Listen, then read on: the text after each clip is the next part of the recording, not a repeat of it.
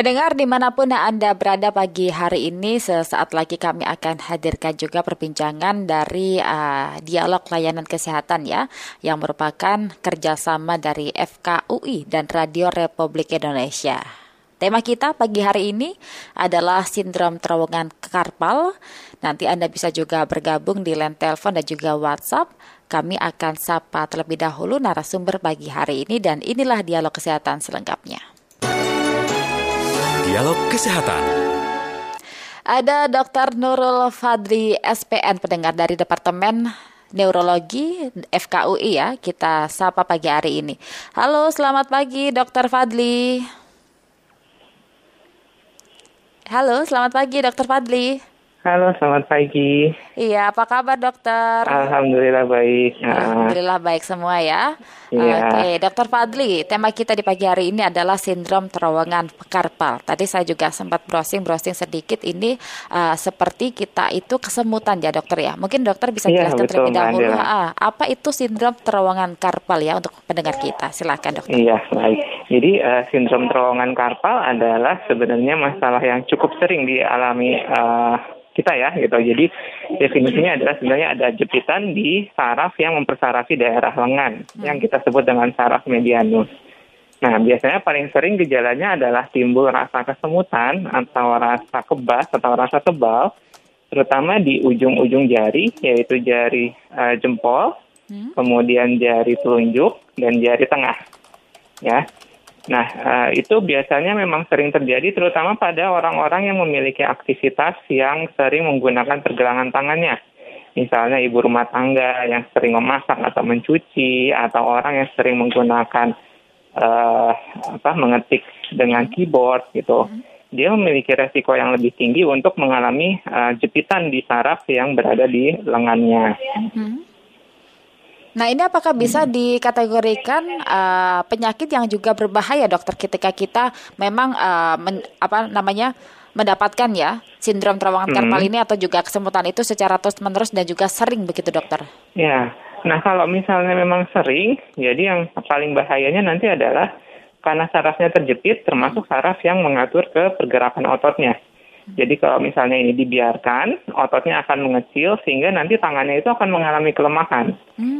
Sulit nanti kita untuk menggunakan atau melakukan pekerjaan yang membutuhkan eh, gerakan halus, misalnya seperti mengancing atau misalnya seperti memotong, gitu. Itu akan menjadi terganggu. Bahkan kalau misalnya tetap dibiarkan, otot-otot yang ada di tangan itu akan semakin mengecil nantinya. Hmm, begitu. Nah, dokter, biasanya kan juga kesemutan ini sering kita alami waktu tidur ya, dokter, di malam hari. Tiba-tiba kita tersadar gitu, waduh kok kaki kesemutan, tangan juga kesemutan. Ada yang bilang ini salah tidur karena juga posisinya begitu. Ini uh, apakah benar memang juga dis, uh, penyakit ini atau juga sindrom terowongan karpal ini sering terjadi ketika malam hari, dokter? Ada yang bertanya Iya. seperti itu. Ha. Ah, betul. Jadi sebenarnya hampir uh, sindrom terowongan karpal sebagian besar pasien memang justru mengeluhnya kesemutan mulai di malam hari terutama menjelang tidur ya, Ah, ah. menjelang bangun tidur. Ah, ah, ah. Jadi pada saat kita tidur itu memang nanti uh, aliran darah yang aliran darah baliknya akan sedikit terganggu. Jadi uh, kurang aliran darahnya kurang lancar uh, akan semakin menyebabkan tekanan itu akan semakin besar Mm-mm. sehingga gejalanya akan semakin sering. Jadi memang salah satu tandanya adalah tadi eh, malam hari terutama menjelang bangun tidur Mm-mm. gejalanya akan lebih tambah berat. Hmm, itu karena salah posisi tidur begitu ya berarti ya? Eh, sebenarnya bukan karena salah Oh. posisi tidur, tidur sih. Kalau misalnya memang Ototnya untuk tegang gitu, dokter, atau gimana? leher, ya. Jadi pada saat malam hari itu pada saat kita tertidur aliran darahnya akan semakin kurang lancar.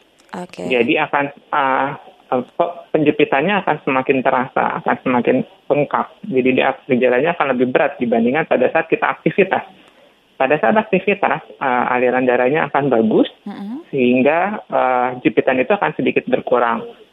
Oh, baik, baik, baik. Bahkan juga kalau kita sedang kesemutan seperti itu kan juga mati rasa, dokter ya. Mau di gimana ini nih kok tetap aja. Nah, ini dokter, untuk juga pengobatan dininya seperti apa? Biasanya memang kita atau saya juga ketika kesemutan ya dibiarkan saja, tapi kan itu juga tidak nyaman ya, bahkan juga mengganggu uh, waktu tidur ketika di malam hari. Seperti apa dokter seharusnya? Iya. Nah, betul sebenarnya kita harus tentukan dulu kalau misalnya memang gejalanya sesuai dengan sindrom terowongan karpal atau jepitan saraf di daerah pergelangan lengan, mm -hmm. kita harus pastikan jepitannya itu memang benar-benar ada atau tidak. Langkah selanjutnya adalah kita harus menentukan derajatnya, seberapa besar derajat uh, jepitan tersebut. Karena nanti pengobatannya akan bergantung dengan derajatnya. Oh. Kalau misalnya memang derajatnya masih rendah, uh, itu bisa kita lakukan gerakan peregangan untuk melonggarkan jepitannya. Nanti kemudian juga diberikan uh, obat-obat vitamin saraf dan obat anti nyeri. Namun kalau misalnya memang nanti derajatnya sudah tinggi, ya uh, itu merupakan salah satu indikasi untuk dilakukan tindakan uh, operasi uh, untuk atau dilepas jepitan sarafnya. Hmm, bisa sampai operasi juga ya. Nah ini kalau malam ya, hari kan kita cara mengukur derajatnya itu tadi ini seperti apa dokter? Apakah oh, juga ya. bisa dilakukan secara mudah atau gimana ini? Ya, jadi kalau misalnya untuk menentukan derajat jepitannya itu harus dilakukan pemeriksaan khusus. Hmm. Uh, nanti kita lakukan stimulasi di sarafnya kemudian kita nilai sarafnya uh, uh, dengan cara stimulasi listrik.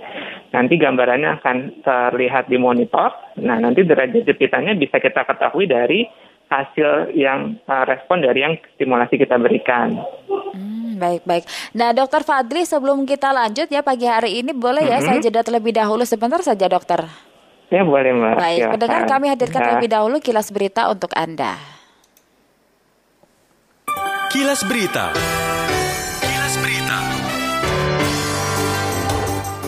PT Pertamina Wilayah Palembang segera menerapkan adanya sistem pendaftaran online bagi para pengguna Pertalite dan Biosolar disampaikan oleh Branch Manager Pertamina Wilayah Kota Palembang Aditya Agung Andrawina yang menjelaskan bahwa pendaftaran online dapat dilakukan melalui website resmi di subsiditepat.mypertamina.id.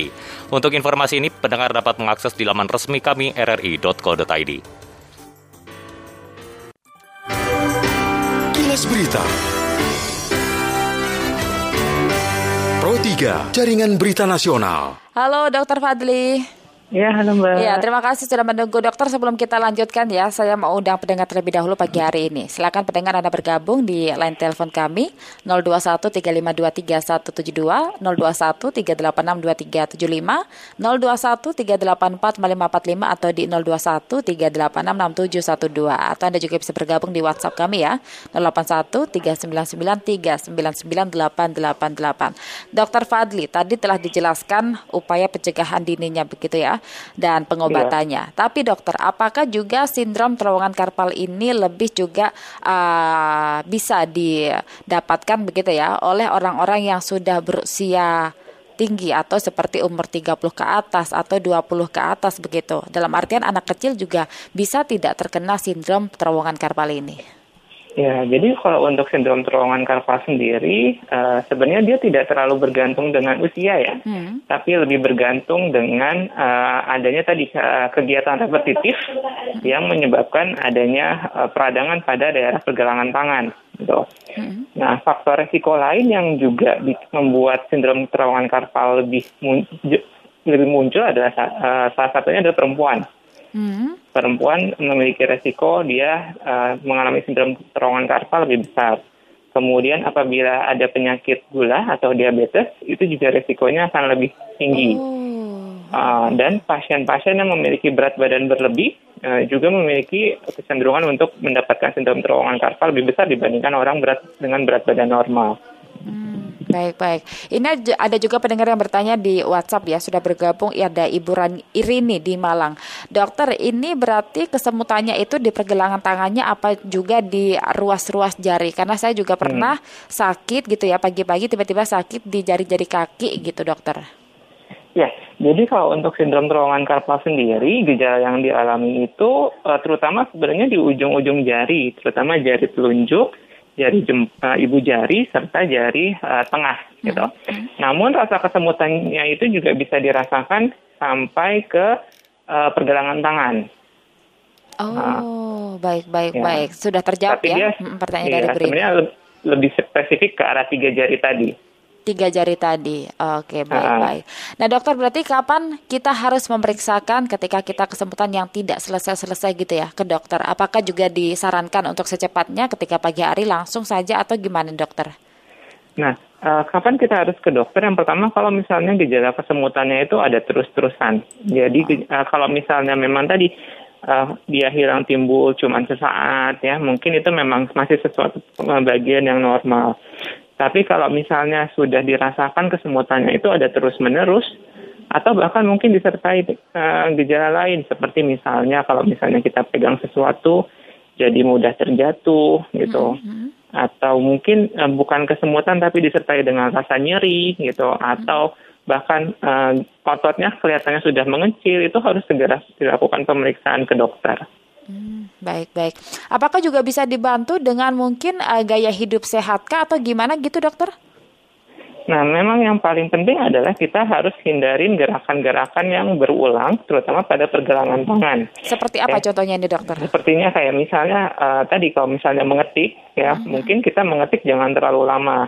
Ada jeda setiap mungkin satu atau dua jam, kita istirahat, kita lakukan pergelangan uh, uh, lengan, gitu. Yang paling penting ada tadi kita lakukan uh, latihan-latihan untuk meregangkan uh, apa namanya pergelangan tangan kita. Ya, itu di apa namanya di internet kalau misalnya kita cari latihan peregangan tangan itu banyak. Mungkin nanti bisa dicari di internet juga. Hmm, ketika kita menjalani aktivitas yang cukup padat, peregangan tangan berarti dibutuhkan ya, tidak hanya ketika iya, kita betul. merasakan adanya kesemutan itu sudah muncul gitu ya. Berarti ini iya, bisa betul. dicegah sebenarnya dokter ya dengan olahraga tadi ya, olahraga tangan bisa. tadi.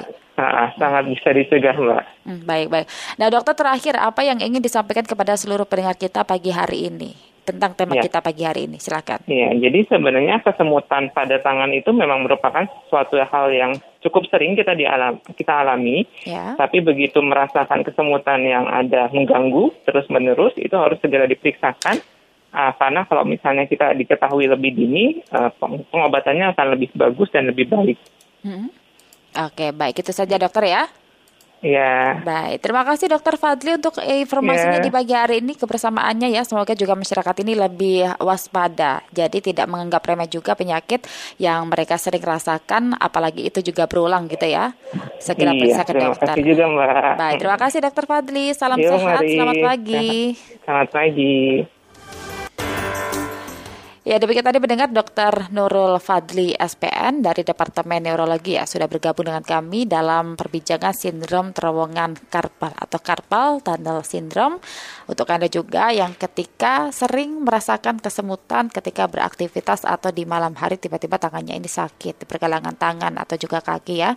Anda bisa langsung uh, datang ke fasilitas kesehatan terdekat untuk memeriksakan itu dikarenakan apa? Ketika kita juga mendapatkan penanganan yang lebih cepat itu akan juga lebih baik untuk ke depannya. Terima kasih untuk Anda juga tadi yang sudah bergabung ada Bu Rini juga di Malang ya di Dialog Kesehatan pagi hari ini. Dialog Kesehatan